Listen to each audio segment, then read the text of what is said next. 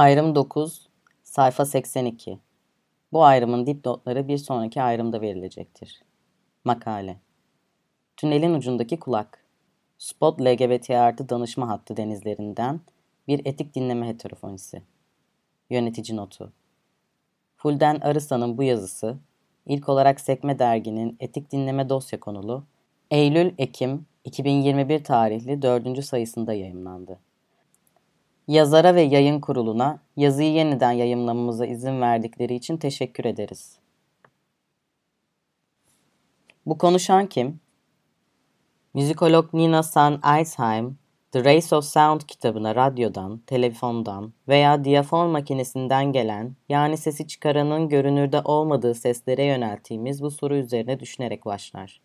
Eisheim'a göre ses ile kaynağının farklı duyusal alanlara ayrışmasıyla ortaya çıkan Pierre Schaeffer'ın akusmatik olarak kavramsallaştırdığı bu soruya verilen her cevabın altında bedensiz bir sesi dinleyerek bedeni tanımlayabilme iddiası vardır. Çünkü sesin değişmez bir içsel hakikatten geldiğini, sahibinin özüne bizi doğrudan götürecek biricik bir geçit olduğunu düşünürüz.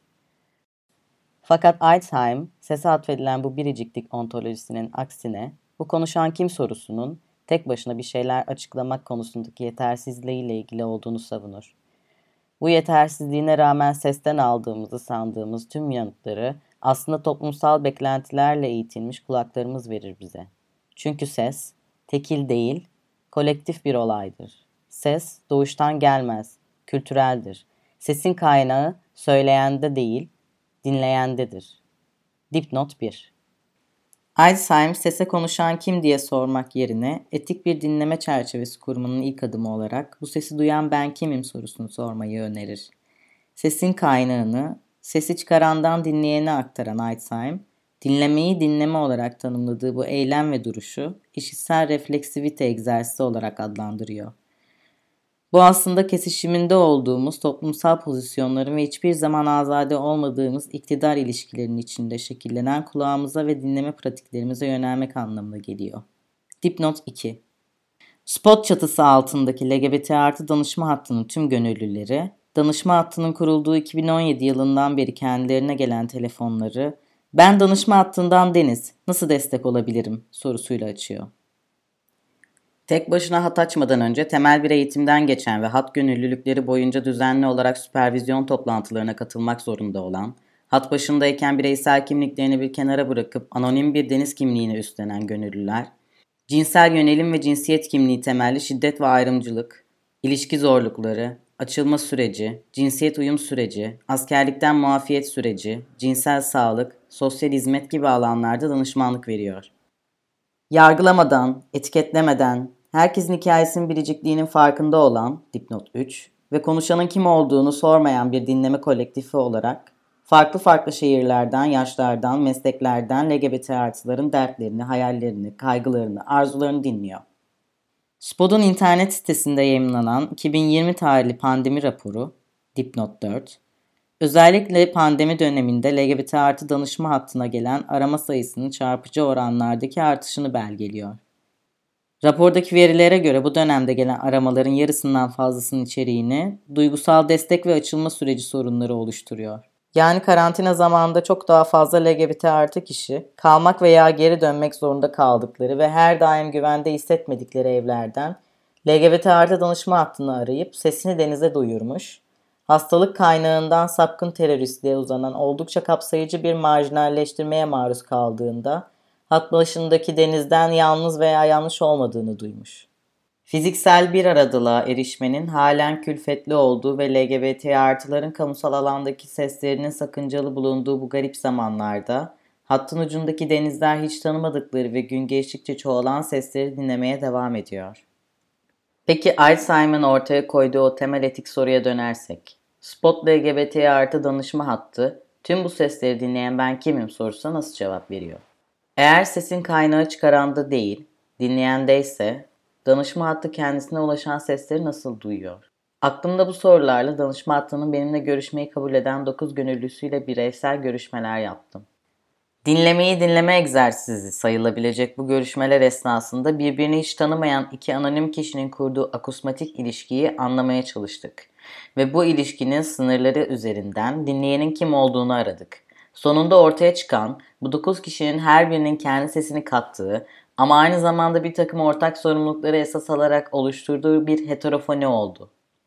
Aşağıda deşifre edilmiş fragmanlar bu seslerin oluşturduğu heterofoninin veya Donihde'nin dediği gibi kendine kırılgan idealler yerine bir aradıkta konumlandıran bir etik dinleme dipnot 5 modunun transkripsiyonu olarak düşünülebilir.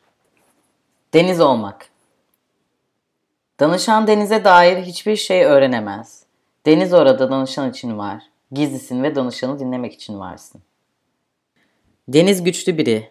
Dinler, yardımcı olur. Benim için Deniz evden çıkmayan, evde oturan, başka hiçbir şey yapmayan bir tip.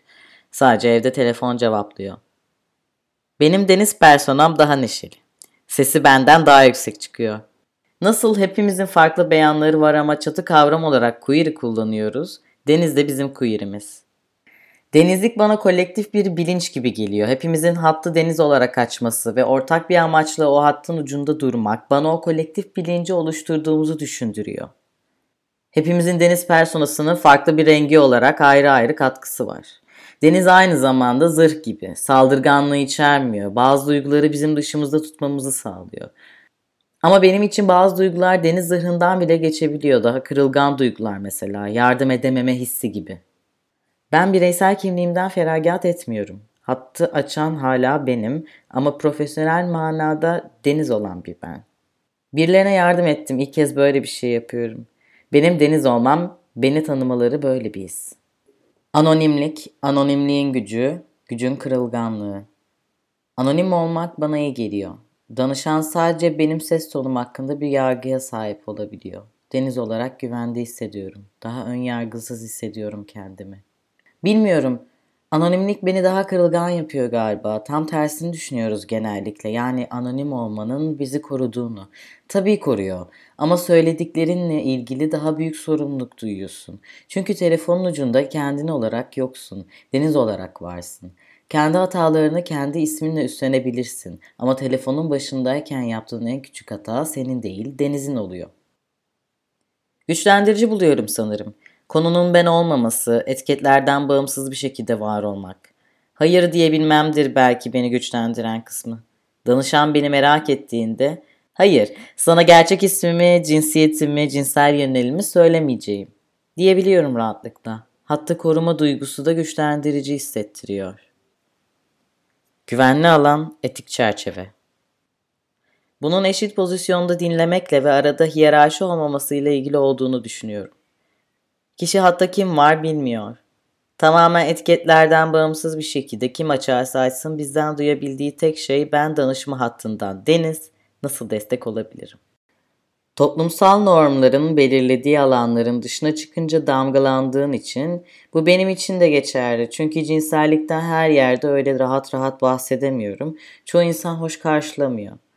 Ama bazı şeylerin de konuşulması gerekiyor. Ben konuşabiliyorum, danışan da konuşabiliyor. Aslında ikimiz için de güvenli alan açılıyor. Bu alan öncelikle danışanın var olabildiği bir alan. Resmen tanındığı, ciddiye alındığı bir alan. Dertlerinin, kimliğinin kabul gördüğü, bunların üzerine beraber düşünülen bir alan. Bu alan gerekli çünkü her yerde bulunamıyor. Benim de bu alana ihtiyacım var. Uymuyoruz çünkü. Bazı şeylere uymuyoruz. Ne yapalım? Ben etik çerçevemi halen çizmekteyim. Başlarda biraz tedirgin ediyordu bu beni çünkü çok fazla danışana odaklıydım.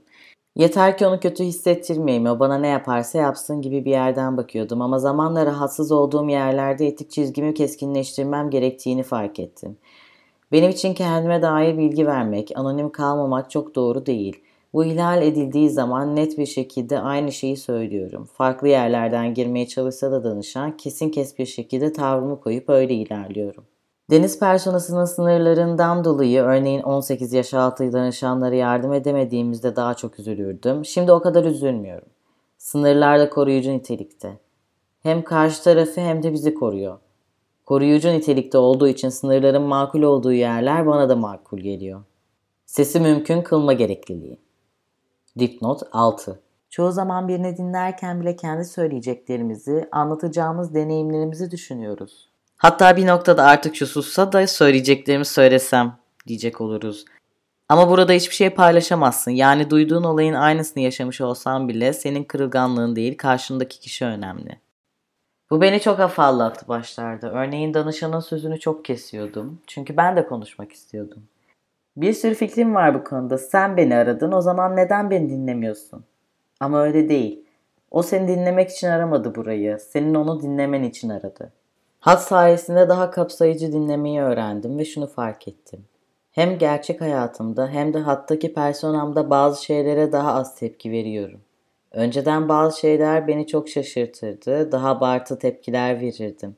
Ama hat sayesinde bazı şeyleri normalleştirdim. Gündelik hayatımda da böyle. Arkadaşlarımın anlattığı şeylere daha az abartılı tepkiler vermeye başladım.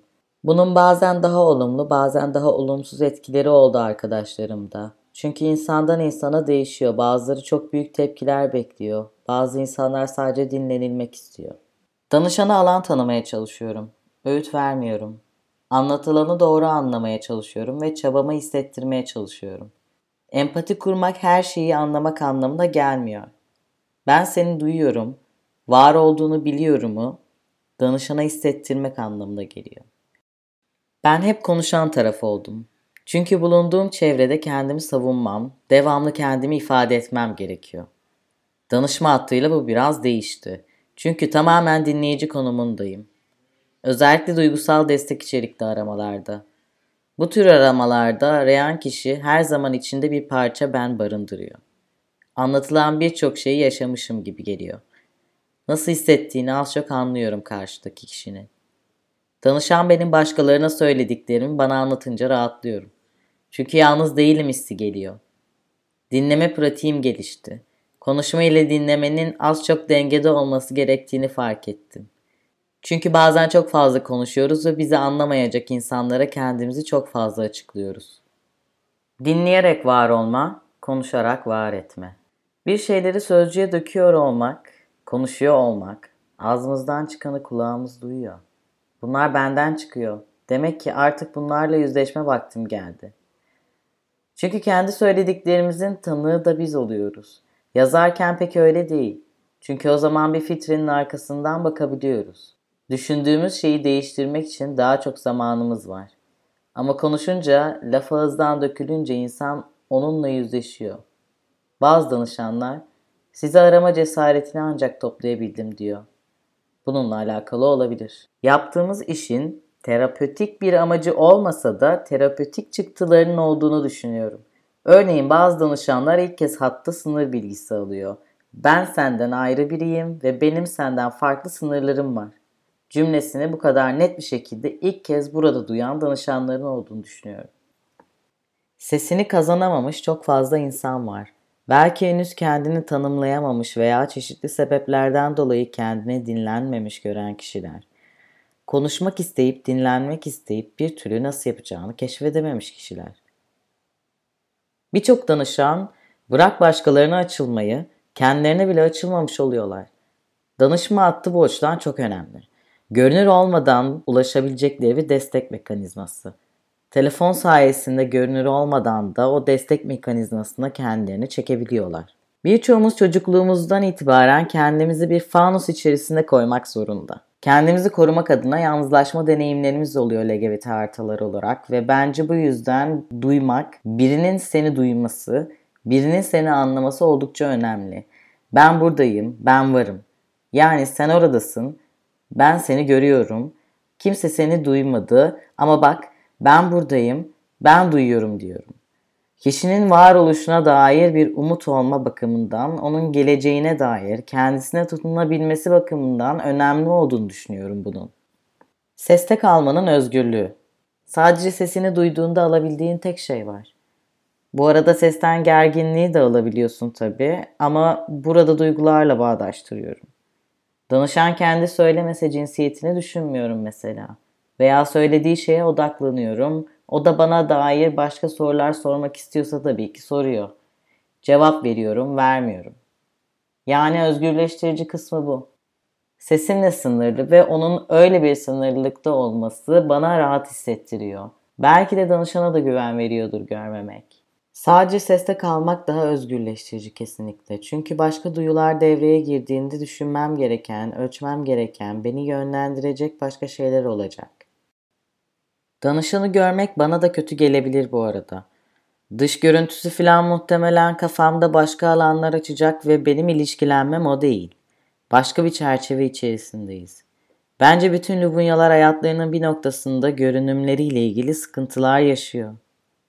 Burada kimsenin kimseyi görmüyor olması ayrı bir samimiyet ortamı yaratıyor bence. Çünkü yargılanabileceğin bir şey yok. Overthinking yapabileceğin bir şey yok. Sadece konuşuyoruz. Görünürlük alanının biraz tehlikeli olduğunu düşünüyorum. Danışanları görmemem herkese aynı sıcaklıkta yaklaşmamı sağlıyor. Çünkü onları görmüyorum. Onların görünüşleri hakkında istesem de istemesem de bir ayrım olmuyor. Sadece dinlemiş oluyorum danışanı. Susmanın kıymeti. Gündelik hayatımda konuşurken sessizlikler bana çok kötü hissettiriyor. Ama danışma hattında kötü hissettirmiyor. Sessizliklerin gerekli olduğunu düşünüyorum hatta bir mola olarak görüyorum. Bu sessizliğin de aslında bu alanın güzel bir parçası olduğunu düşünüyorum. Sessizlik bazı danışanları geriyor olsa da. Çünkü bence danışma hattında susmak anlatmak kadar değerli. Fiziksel mesafe, işitsel yakınlık. Başka başka şehirlerden insanlarla konuşmak, beyaz bir lubunya olarak oturduğum yerden, kendi bakış açımdan, kendi zorluklarımdan çıkmak ve başkalarını dinliyor olabilmek, yaptığım şeyin nelere değdiğini hayal etmek bana çok büyük bir duygusal tatmin veriyor. Beraber sosyalleşemeyeceğim insanlarla telefonda bir araya gelip aslında onların da benden çok farklı şeyler yaşamadığını görmek gibi bir deneyimim oluyor. Belki benimle benzer şeyler yaşıyor ama onlar bambaşka bir dünyadalar. Ben başka bir dünyadayım. Hayata kaptırıp giderken sanki bir tek biz varmışız ve bunları sadece biz yaşıyormuşuz gibi hissediyoruz. Bir yandan danışma hattının böyle bir güzelliği var. Bunları sadece ben yaşamıyorum. Başka insanlar var, başka dünyalar var. Hikayeler aslında değişmiyor. Sadece kimlerin nasıl yaşadığı değişiyor gibi hissediyorum. Buraya gelse odayı terk edeceğimiz insanlar olabilir. Ama onların da dinlenilmeye ihtiyacı var. Bazen danışanın içselleştirilmiş homofobisine maruz kalmak tetikleyici olabiliyor. Ama biliyorum ki içselleştirilmiş homofobi danışana da acı veriyor. Acı veren inançları biriyle beraber yargılamadan irdelemek, söylenenlerin içeriği olumsuz olsa da dinlemeye devam etmek, o empati gıdası insanı dönüştürüyor. Empati gıdası hepimize lazım. Çünkü insan olarak ben anlaşıldıkça, dinlendikçe büyüyebilirim. Örgütlü olmayan, bizi ilk defa duyan, böyle bir hattın varlığını yeni keşfetmiş kişiler, çevreleriyle bireysel mücadelelerini veriyorlar benim gibi. Arayan danışanlara özellikle duygusal destek aramasıyla her zaman bizi aradığın için teşekkür ederim diyorum. Çünkü ben seni duyuyorum, senin beni duyduğunu da biliyorum. Anonim de olsa benim varlığımı biliyorsun. Yani ben de yalnız değilim. Bu yüzden sana teşekkür ederim. Cinsiyetli beden, Lubunya ses. Danışanın sesi bazen Lubunya gibi gelmiyor. O ne demekse acaba şimdi ne gelecek diye merak ediyorum. İster istemez bazı etiketler içine koyuyoruz kendimizi ve yakın hissettiklerimizi. Biz olmak için hep bir onlara ihtiyaç duyarsın ya. Bunlar LGBT artı yani bizden ama onlar bizden değil diye konumlandırmak anlamına geliyor bu. Oysa kaba saba konuşan bir gay de olabilir. O kişi öyle bir ses tonuna sahip ve bizim desteğimize ihtiyaç duyan bir lubunya olabilir. Geçenlerde bir danışan aradı ve çok endişeliydi. Sesinden anladım. Ben endişeliyim demiyordu ama endişeli bir şekilde anlatıyordu. Endişeli bir sesti. O danışanla çok uzun konuştum. Kendimi ona çok yakın hissettim. Bu da ara ara oluyor hatta bana. Dış görünüşle ilgili bir şey değil de endişeli bir figür çiziyorum kafamda. Öyle bir duygu atıyorum danışana. Sesi bir duyguyla birleştirmek, belki de konuşanı görmüyor olmam, seste yine böyle bir alan açıyordur. Daha farklı şekilde ele almamı sağlıyordur belki. Ama yine de duygu atamaktan korkuyorum genellikle. Bugün Deniz de bana üzüldü demesini istiyorum. Sesten duygulanımları alabiliyorum ama sese cinsiyet atamamaya çalışıyorum.